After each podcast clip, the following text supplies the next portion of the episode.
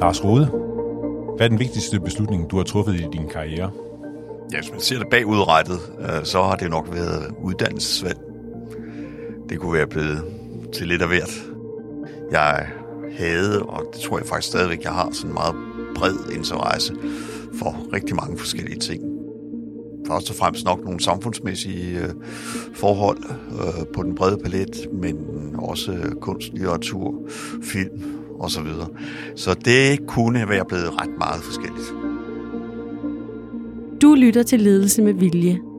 En podcast fra lederstof.dk, hvor du møder nogle af Danmarks mest inspirerende og mest markante ledere til en samtale om deres livs vigtigste beslutninger. Din vært på programmet er Anders Vass, chefredaktør på lederstof.dk. Dagens gæst er Lars Rode. Han er direktør i Nationalbanken, Danmarks Centralbank. Lars Rode kalder sig selv for nørdet, strategisk og utålmodig, og synes, det er vigtigt som menneske at have et formål, der ligger ud over en selv. Hør, hvorfor den 68-årige topchef mener, at det er godt at være pessimist som øverste leder for Nationalbanken i denne uges udgave af Ledelse med Vilje.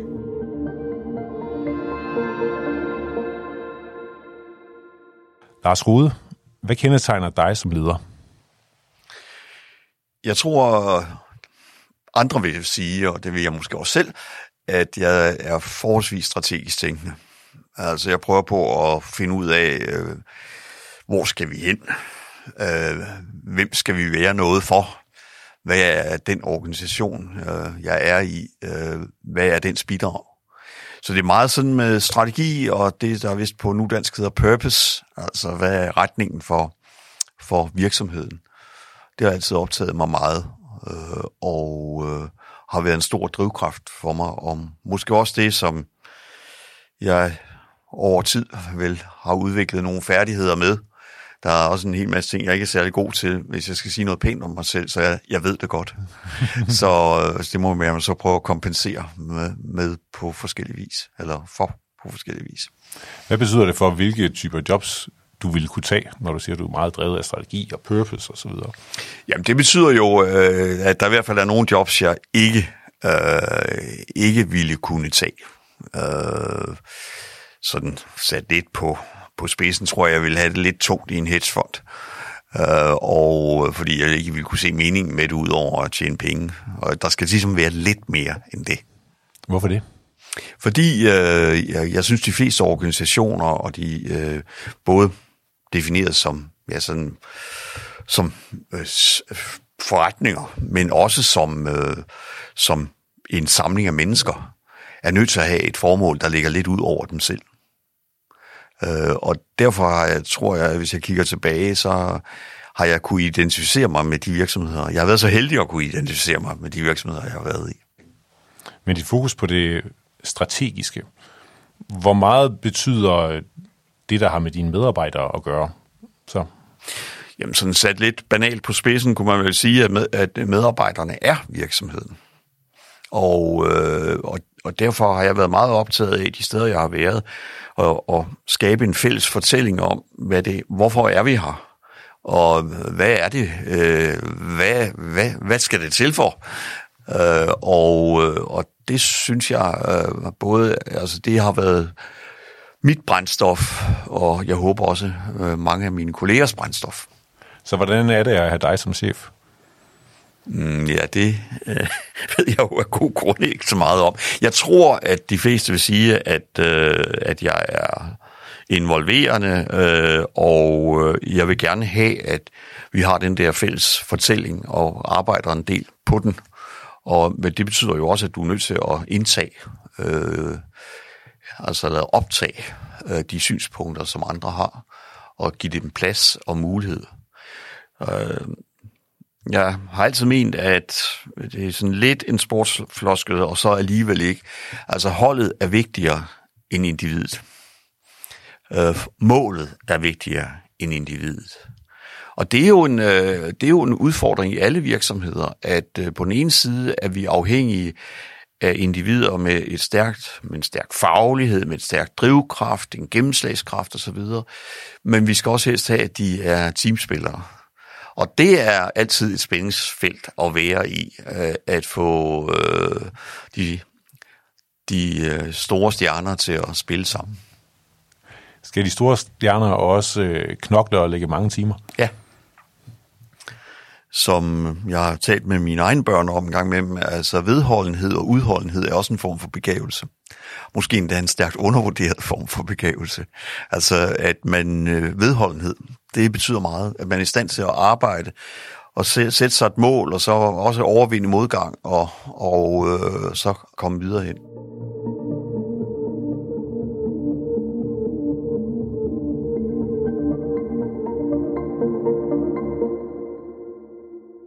For at komme tilbage til det, du starter med, som den allerstørste beslutning i din karriere, så taler du om øh, uddannelsesvalget, øh, ja. helt tilbage efter gymnasiet. Hvad er det for nogle tanker, du har der på det tidspunkt? Jamen, jeg havde sådan en meget bred samfundsmæssig interesse, og den øh, udmyndtede sig jo i blandt andet, altså, at jeg, jeg var voldsomt interesseret i samfundsfag og, og, og sådan noget. Men jeg var også rigtig glad for matematik og øh, litteratur og sådan noget, så, så, så det kunne være blevet til lidt af hvert. Øh, men øh, jeg er jo sådan en første generations akademiker, og jeg tror, det betød noget for mig, at, øh, at øh, der... Øh, at der skulle også være på en eller anden måde lidt føde i det, og lidt jobsikkerhed og sådan noget. Og det tror jeg spillede en rolle i mine, mine unge år. Så det er lidt et tilfælde i virkeligheden, at den stod på økonomi, du uddannede kanokon, og at du så endte i Nationalbanken frem for at det gå en helt anden vej, og det blev noget kunst eller kultur, eller hvordan? Det er jo svært at sige, øh, men, øh, men min, min fornemmelse var, i, da jeg gik i gymnasiet, at, at det kunne godt være blevet til noget andet. Jeg er jo et barn af 1973, jeg bliver student i 1973, og dem, der er så uhyggeligt gamle, vil vide, at, øh, at det var den første oliekrises tid. Og Danmark har været igennem en fantastisk udvikling øh, fra 50'erne. Jeg er født i 1954 og så til, øh, og til begyndelsen af 70'erne, hvor, øh, hvor øh, landet år efter år bliver rigere, og vi bliver alle sammen rigere, vi har parcelhusboom, vi har øh, privatforbruget, det tordner op, øh, kvinderne kommer ud på arbejdsmarkedet. Det er en, på mange måder en meget forandret, øh, forandrende tid, og øh, så der var også en følelse, den ser man jo også, hvis man ser Woodstock eller noget andet, altså en følelse af, at alt kunne lade sig gøre og at alle muligheder stod åbne. Og så kommer der sådan en gang øh, kolde afvaskninger der i begyndelsen af 70'erne. Og det tror jeg satte sig hos mange af os. Man siger, der er sådan nogle sociologiske, psykologiske undersøgelser, der siger, at øh, mange menneskers mm, sådan livsoptimisme eller det modsatte bliver grundlagt i øh, sådan i puberteten og, og de første år øh, derefter. Og det er nok også et resultat af det er vel svært ikke at drage paralleller til det, der sker lige nu i verden, så med øh, først havde vi corona og nogle krig, og nu har vi øh, øh, inflationen, og det ja. går... Øh, det går ikke særlig godt. Nej. Nej. Jamen, det er fuldstændig rigtigt. Vi har haft øh, 10 års øh, ubrudt øh, konjunkturopgang, så der er nogle mindelser om, hvad der foregik i, i, i 60'erne. Øh, og, øh, og så har vi sådan lidt følelsen af den perfekte storm øh, for øjeblikket, hvor alt øh, kommer op på den, eller ja, alle terningerne kommer op med de forkerte øh, tegn på. Øh, så ja. Og du sidder øh, lige nu, øh, så og i virkeligheden på en af landets mest øh, magtfulde øh, poster i forhold til den øh, krise, man så ind i også dengang. Hvordan øh, er det med til at skabe dit billede? Jamen altså, øh, sådan temperamentsmæssigt, som jeg siger, tror jeg, det har, det har plaget mig, øh, eller præget mig. Jeg kan, man kan vælge ordet selv. Forstået på den måde, at øh, jeg nok altid har, øh, har, har set på, i de fleste situationer på downsiden. Altså, hvad kan gå galt? Og, hvad, øh, og, det, og det gør det jo en gang imellem.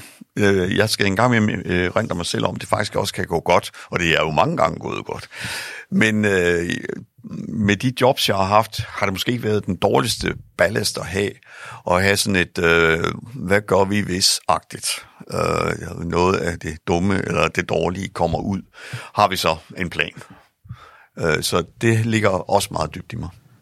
Så en god økonom og en god nationalbankdirektør er en pessimistisk økonom og nationalbankdirektør? Ja, ja min forgængers forgænger, Bodil Nybo, øh, sagde jo, da, da jeg blev udnævnt, at det var ikke noget svært job. Jeg skulle bare huske at se tilpas bekymret ud og, øh, og sige, at det kunne gå galt.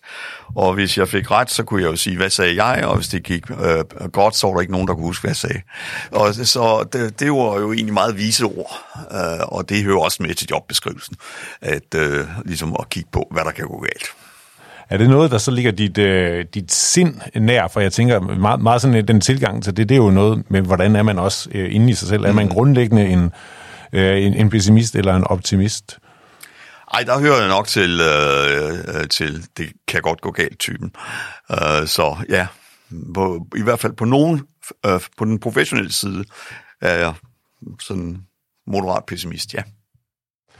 Og, og du siger, da du startede din karriere med at ville øh, uddannelse, at det også kunne have gået i en mere en humanistisk øh, retning. Er det noget, du har båret med dig, eller lukkede du det kapitel, øh, og så øh, sat dig øh, foran øh, lærebøgerne og, øh, og studeret økonomi og glemte det andet? Nej, det har faktisk altid fulgt mig.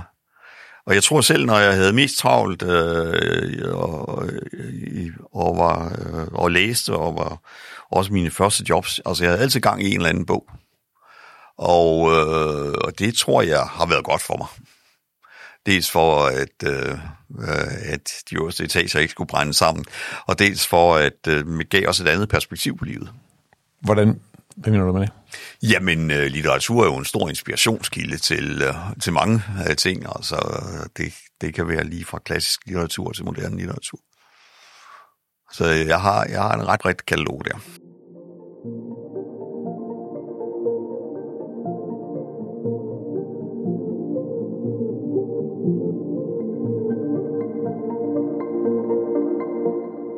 Dit første job i Arbejdernes Landsbank, det var et, du egentlig ikke havde så lang tid. Hvad var det, der fik dig til at vælge at gå videre derfra? Jamen, det var nok, at øh, jeg var lidt fejlkastet at øh, jeg synes, jeg kom med en ret stor teoretisk bagage, og øh, jeg synes ikke rigtigt, jeg kunne få den brugt. Der var ikke noget galt med dem, der var nok snarere noget galt med mig. Øh, så øh, så øh, da Nationalbanken dukkede op og tilbød mig et job, så var jeg ret hurtigt til at beslutte mig, at det nok var det rigtige, fordi der kunne jeg ligesom bruge de to sider, jeg havde i mig, både det sådan øh, udførende og eksekverende, men også øh, den øh, ret tunge bagage, jeg havde med. Og der gav det mening? Det gav ret meget mening. Og alligevel, nu sidder vi jo her i Nationalbanken, men man kan mildest talt ikke sige, at øh, det er fordi, du så har været her lige siden. Nej, jeg holdt en længere pause. Og øh, der, hvor du, kan man sige, øh, for alvor står dit navn øh, fast, øh, det er i dit, dit følgende job i Lærernes Pensionskasse, hvor du ender med at blive direktør. Ja. Hvordan, hvordan er udviklingen for Lars Rode fra at være en øh, almindelig økonom til at blive direktør? Altså den der ledelsesrejse? Jamen, når sandheden skal frem, var det jo en meget lille organisation. Og øh, Øh, Øh, jeg tror ikke, jeg var Guds gave til menneskeheden på det tidspunkt øh, som, som direktør. Øh, men øh, det, det kom sådan lidt ved et tilfælde, og det er måske en anden pointe, at man skal have respekt for tilfældet. Øh, jeg fik jobbet, fordi jeg, den nytiltrådte bestyrelsesformand sad ved siden af mig på en flytur til Helsinki, og det, det var så den, øh, det, det job. Øh, så jeg havde mit primære arbejdsområde var pensionskassen investe, pensionskassens investeringer, og det fik jeg der arbejdet meget med. Og jeg fik også måske lavet nogle håndgreb på organisationen, men, men grundlæggende øh, kommer mit første rigtige ledelsesjob i det efterfølgende job. Fordi der kommer jeg til i Danmark og øh, får pludselig ansvaret ikke for 11 mennesker, men for 50. Og øh, det er en ret krisefyldt tid, men det er også en ret krisefyldt virksomhed. Så der bliver jeg kastet ud på forholdsvis dybt vand og skulle lære at svømme. Og hvad betyder det? Kan du se tilbage på, her gjorde jeg, tog jeg en beslutning, her øh, havde jeg en samtale, hvor jeg indså, at ledelse kan gå helt af pommer til, eller man kan faktisk gøre noget fantastisk? Jamen, jeg, øh, min, øh, Øh, den direktør, der ansatte mig, var Ole Andresen, som tidligere havde været generaldirektør for DSB. Og øh, øh, Ole var øh, i på det tidspunkt, vi taler altså om slutningen af 90'erne, eller slutningen af 80'erne, var han en af de ledere, som gik meget op i ledelse. Og øh, tvang mere eller mindre os andre til også at gøre det. Og øhm, øh, øh, altså kombinationen af at få øh, puttet en hel del øh, ledelsestræning og ledelsesudvikling, inklusive det ubehagelige at blive konfronteret med sin egen personlighed, øh, var nok noget af det, der flyttede rigtig meget, samtidig med, at det var kriseledelse. Altså det her forhold, at øh, der på kort tid skulle træffes en hel masse forholdsvis ubehagelige beslutninger, øh, og øh, hvor man, øh, eller jeg, øh, så lidt tilfældigt blev sat til at løfte nogle af de meget tunge opgaver, øh, som egentlig ikke havde noget med det job, jeg var blevet ansat til at gøre. Altså at lave en ny strategiplan, at øh, øh, få eksekveret på at rejse 3 milliarder kroner i, ansvar, i ansvarlig kapital. Det var ikke sådan helt nemt i 1991-92, hvor vi jo har finanskrise i Norden og faktisk også i Danmark. Og det, øh, øh, det udviklede mig ganske voldsomt. Jeg vil nok kalde det lidt tvangsmæssig udvikling, fordi øh, det, hvis jeg, jeg har engang imellem sagt, at hvis jeg havde vidst, hvad jeg gik ind til, så var jeg ikke gået. Det var øh, umådeligt udfordrende, og også øh, på det personlige plan ganske hårdt, fordi jeg har været med til at fyre mange mennesker, som ikke ville ansættes i den offentlige sektor, fordi de synes det var for farligt, men som synes, at en kreditfor, god gammel kreditforening, det var, det var virkelig trygt. Man havde fantastiske arbejdsvilkår, man havde fantastiske pensionsordninger, osv. osv. Så der var, øh, det var, det var en, det var en hård periode. Altså hvis du, øh, hvis du er i nogle brancher, hvis du er kunstner, eller hvis for den sags skyld, hvis du er murer, så ved du en gang imellem, at, øh, at øh, nu er der ikke noget job. Men de her mennesker, de havde valgt det job, de havde, fordi det var meget trygt. Og når man så kommer og fjerner trygheden, så slår det jo uendelig hårdt på dem. Så det var også på det personlige plan en, en hård tid.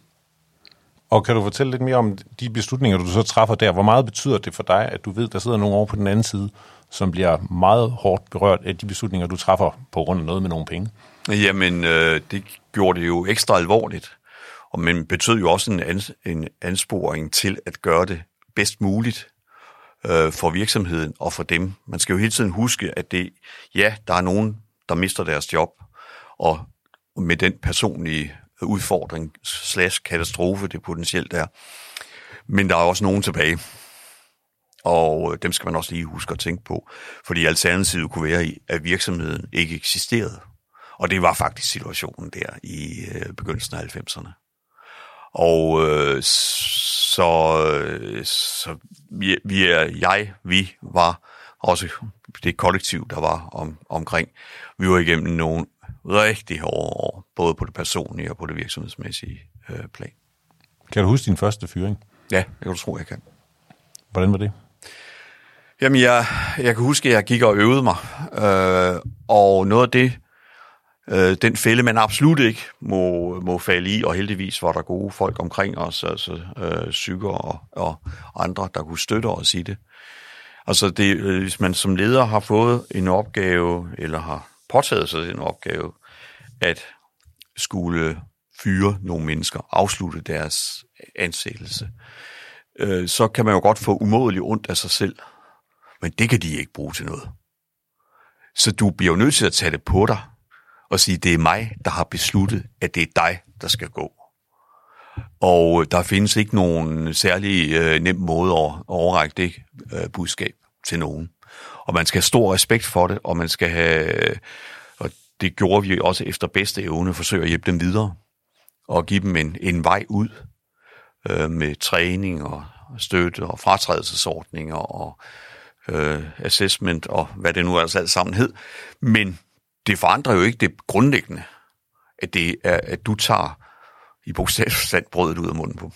Og det, øh, øh, hvis øh, man ikke synes, hvis man, hvis man øh, ikke får en lille smule ondt i, ondt i maven af det, og synes, det er øh, verdens kedeligste job, så er der måske en lille smule i vejen med en selv. Det bliver aldrig rutine. Kan du fortælle om en ledelsesmæssig beslutning, du har truffet, som du i retrospekt har været rigtig glad for? Ja, efter at krisen var overvundet der i begyndelsen af 90'erne, vi får, det begynder at gå rigtig godt fremad i 90'erne, så krisen bliver afblæst, og nu skal vi til at tænke over, hvad vi så skal lave. Vi skal huske på, at i rekreditmarkedet havde de gamle kreditforeninger haft et monopol, lovbeskyttet monopolen da men som blev ophævet i 1989, og der begynder de store banker, da de også er kommet på den anden side af finanskrisen, virkelig at rykke øh, og etablere deres eget, egne realkreditselskaber. Og de var en formidabel konkurrent. Ikke fordi de sådan set var bedre til øh, realkredit end de eksisterende,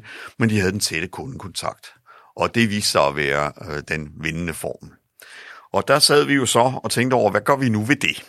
Og øh, øh, der kom vi så øh, fik vi så tanken om at etablere en helt ny lånetype.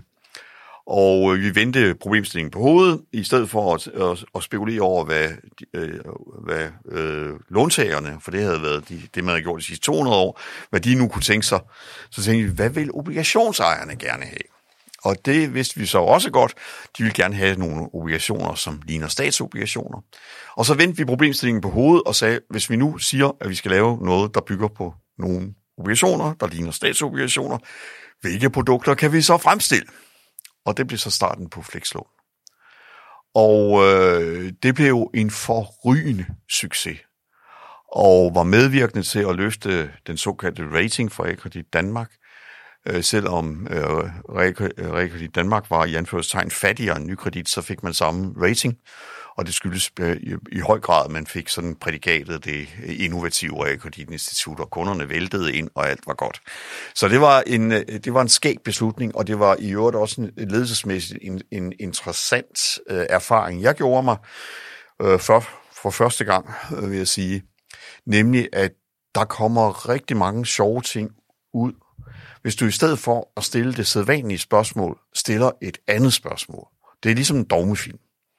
Altså, hvis du stiller det sædvanlige spørgsmål, så får du overraskende nok det sædvanlige svar. Hvis du tilter spørgsmålet og prøver på at, at vride det på en eller anden måde, som for at bruge pangdangen til dogmefilmen. Det vi gjorde her var at sige, nu lægger vi det, nu laver vi det fra obligationssiden. Hvad kan vi så finde ud af? Og det, viste, det var så flekslån, der kom ud af det, i alle dets afskygninger og med alle variationsmuligheder. Og så det var den ene erkendelse. Det er spørgsmålet, der definerer, hvordan svaret kommer til at se ud.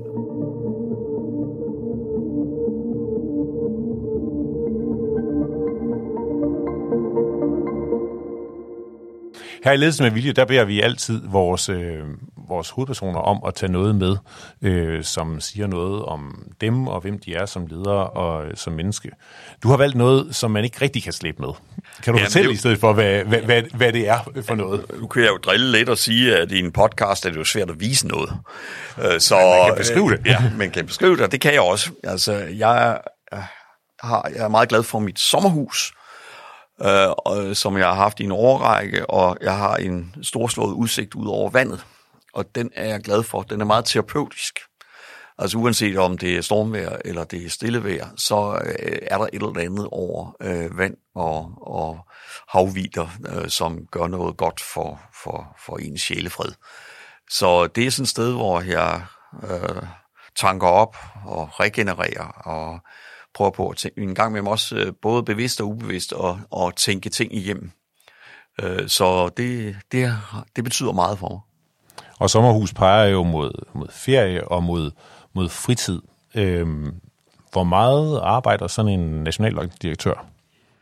Det tror jeg er relativt vanskeligt at gøre op, fordi øh, også når jeg ikke arbejder, arbejder jeg. Altså, man kan jo ikke, man kan jo ikke øh, tage kappen af, ja, det kan man godt, men, øh, men den er der jo stadigvæk. Så meget af det er jo øh, sådan, øh, det er jo sådan overvejelser, man går med, eller jeg går med, også når jeg slår græsplænen, eller hvad det nu kan være. Det er sådan, når man er sådan en rigtig øh, økonom, nørd, som jeg også er, øh, så taler man jo en gang imellem om, om, at ting tager en bestemt tid. Jeg har gjort den, og det så kan være, det kun er mig, at der er en ting er sådan, hvor mange timer man lægger i noget. Men der er også noget, der hedder kalendertid. Og det kan være det her med at have tid til at gå og overveje og fundere og angribe et problem fra mange forskellige øh, sider og kanter. Øh, og det er ikke bare et spørgsmål om, hvor mange timer du lægger i det. Altså mange timer, og det kan være noget sådan mere teknisk, øh, du skal have øh, læst og forstået øh, de her 100 sider, eller hvad det nu kan være. Og det er der selvfølgelig også noget af i mit job, men der er også den anden del af det, og som måske er det mest dilemmafyldte, det er der, hvor der ikke er noget facit. Altså, beslutninger, og især vanskelige beslutninger, er jo ikke resultatet af logisk tankevirksomhed. For hvis det var det, så var det nemt. Det svære, det er jo øh, at træffe beslutninger under stor usikkerhed. Du ved ikke, hvad du egentlig gerne vil vide. Du har nogle fornemmelser, du har nogle indikationer, men de kan være rigtige, og de kan være forkerte. Og så øh, var der jo den berømte amerikanske forsvarsminister, herr Rumsfeld, som sagde, der er ting, vi ved, vi ved, og der er ting, vi ved, vi ikke ved. Og så er der de rigtig grimme. De er de ting, vi ikke ved, vi ikke ved. Og derfra, fra dem kan der jo en gang imellem komme noget lyn fra en klar himmel. Og øh, hvis vi ser bare på det seneste års tid, har vi jo haft et par af den slags øh, overraskelser. Øh, den 24. februar, tror jeg, er en dato, som for nogen vil få samme status som 9-11 eller murens fald eller noget tilsvarende. Der rykkede vores verdensbillede af, hvor Europa var henne, ganske alvorligt. Og det tror jeg kommer til at præge os i en længere tid fremover. Hvordan præger det dig? Jamen det præger mig på den måde, at øh, jeg ser tilbage på øh, perioden fra 1990 til, 20, øh, til 2020 som, som måske undtagelsen i en længere øh, periode, nemlig en undtagelse, hvor der stort set med borgerkrigen i Jugoslavien som en af undtagelserne, øh, var fred i Europa, og hvor vi høstede fredsdividenden og øh, fik et mere optimistisk livssyn, og, og, og øh, samfundet udviklede sig øh, også i en rigere retning på mange lederkanter. Og nu tror jeg, at vi kommer til at sige øh, farvel til øh, fredsdividenden og goddag til oprustning.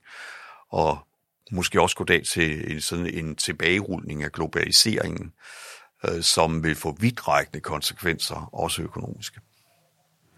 Ja, og hvis vi skal blive i det, så øh, har vi jo nu et, øh, et problem med, med inflationen, og øh, hvis man ser på, hvad der er af Nationalbankens øh, rolle, øh, så er der øh, tre ting, den skal. Den ene, det er jo at holde styr på, på inflationen. Du har øh, meldt ud, at øh, du går på pension her 1. februar, eller måske bliver du lige lidt længere, hvis der ikke er faldet øh, kommet en afløser.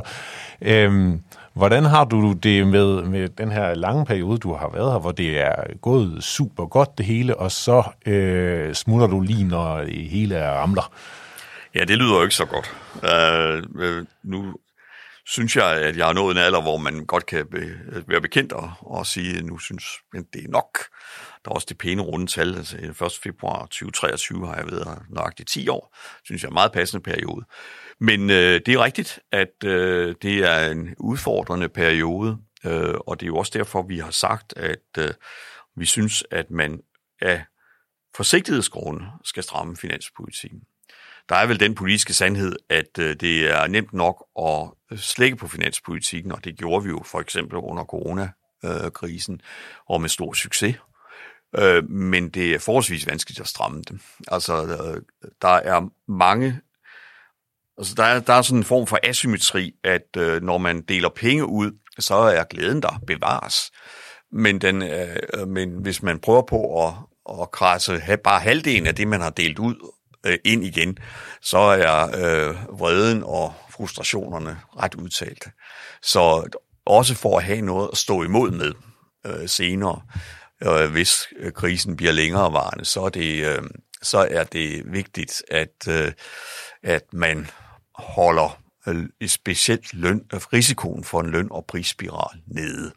Og det er det, det er den egentlige grund til, at vi har advaret øh, mod øh, en overophedning, eller den overophedning, som sådan set allerede er der. Stor mangel på arbejdskraft, både i den private sektor og i den offentlige sektor, og for at dæmpe efterspørgselen og dæmpe øh, den her ophedning på arbejdsmarkedet, så har vi foreslået, at finanspolitikken bør strammes allerede for næste år. Og det er nok ikke verdens mest populære synspunkt. Er der en enkelt beslutning, du tænker, åh, oh, hvor var det godt, det gjorde det. Det var faktisk vigtigt. Ja, det tror jeg. Altså, jeg har sådan en, en dato i hovedet, der hedder 5, 5. februar øh, 2015, hvor vi besluttede at sænke renterne til øh, minus 0,75. Der var der ikke andre end, end Schweizerne, der også øh, øh, be, bevægede sig i det lag. Men øh, det var uhørt lavt, og det var uprøvet, og hvad ville der ske?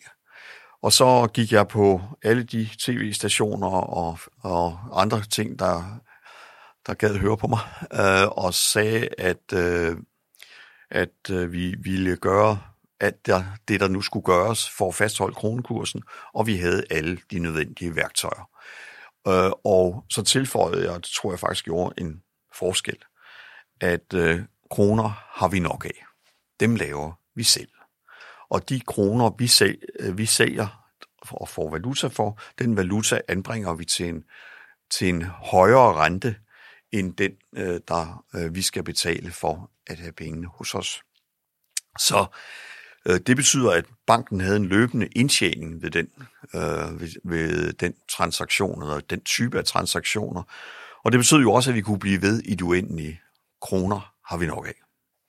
Og det tror jeg fik nogen til at reflektere, nogen i, der havde taget en position den anden vej, til at reflektere over, at det kunne godt være, at det her var et, et tabers spil. Og så stoppede øh, indflowet af, eller indstrømningen af valuta ret hurtigt, og så normaliserede vi øh, langsomt øh, kurserne.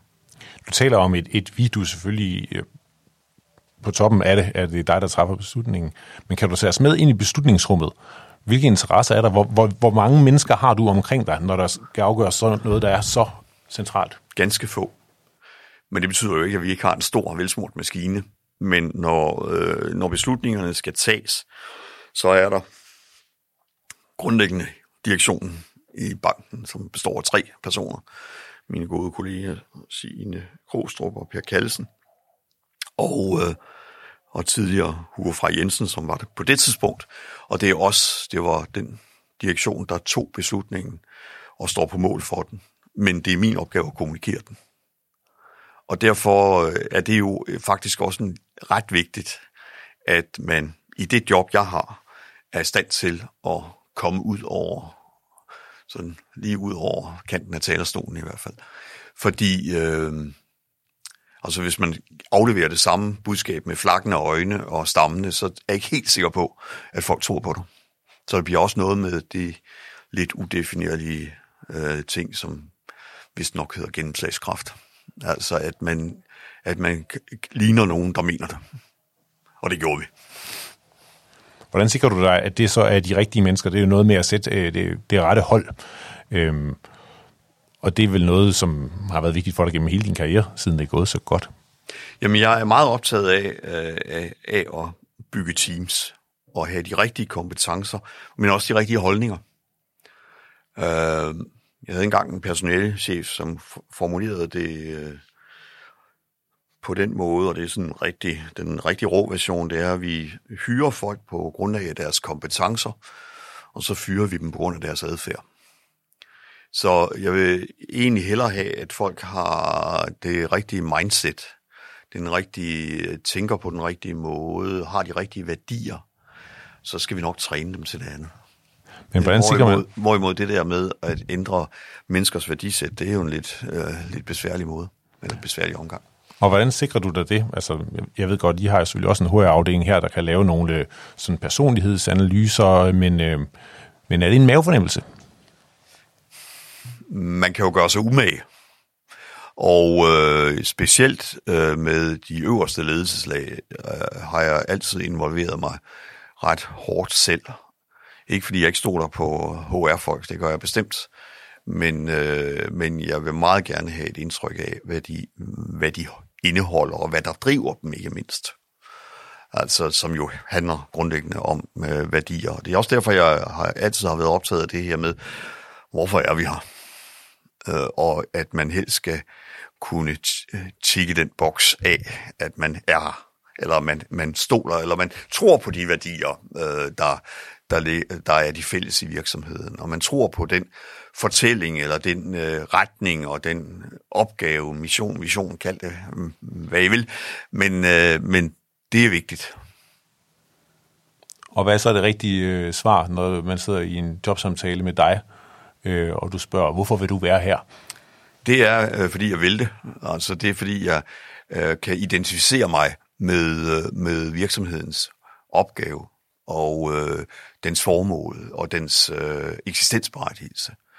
Øh, og øh, det, det tror jeg er en vigtig, og det tror jeg faktisk rigtig mange i Nationalbanken øh, kan identificere sig med opgaven, ligesom mange af mine tidligere kolleger i ATP kunne øh, i den grad kunne, kunne identificere sig med opgaven om at skaffe pension især til nogen, der måske ikke havde så meget. Og nu ser du selv, at øh, det var svært at lægge øh, et antal arbejdstimer på, øh, for det, du lavede. Det er jo, det kan jeg godt afsløre, det, det er klart mest populære svar blandt øh, topchefer, når man okay. spørger, hvor meget de, øh, de arbejder. Men hvilket og, og du nævnte i, i starten, at, øh, at man ikke skulle underkende værdien af hårdt arbejde og, og øve sig. Så, så hvad er din forventning til dem, du har under dig i forhold til at, øh, at arbejde øh, i et liv, hvor der også skal hentes unger i børnehaven og sådan noget? Jamen, øh, jeg har stor, stor respekt for, øh, for det der. Der har jeg også selv været. Øh, og øh, det gode ved øh, den moderne arbejdsplads er, at den jo blandt andet på grund af teknologi er meget mere fleksibel, end, end det var, da jeg var yngre. Fordi der var man næsten nødt til at lave arbejdet på arbejdspladsen. I dag kan, findes der jo teamsmøder, og der findes alt muligt andet, og, og fleksibiliteten er stor. Men det betyder jo også, at at øh, vi vil jo gerne have, at medarbejderne øh, brænder, men helst ikke brænder ud. Øh, så der er også det der en gang med, med simpelthen at beskytte medarbejderne mod sig selv, var jeg lige ved at sige. Øh, men det her med, at man er dedikeret, men det er jo ikke det samme som, at man skal arbejde 80 timer. Så hvor mange timer skal man arbejde? Ja, det ved jeg ikke. Nok. Altså, man skal jo ikke belønne, øh, man skal jo ikke belønne folk, der er langsomme, vel? Altså, øh, hvis du er hurtig og kan få tingene fra hånden, og det oplever jeg faktisk paradoxalt nok, at det øh, mange småbørnsforældre bliver jo tvunget til at være umådeligt effektive. Øh, så de er skønne arbejdskræfter. Øh, så, øh, så øh, der, bliver, der er jo også, det må vi erkende, altså det er jo, øh, virksomheder er jo også en social organisme, og der er jo nogen, der hader at komme hjem. Øh, og, og, og det ved jeg ikke, det her tilstedeværelse har jeg aldrig været sådan specielt optaget af. Jeg er optaget af, at opgaverne bliver løst. Men om du gør det på det ene tidspunkt, eller på det andet tidspunkt, om du bruger fire timer, eller du bruger 40, jeg vil egentlig foretrække, at du bruger fire.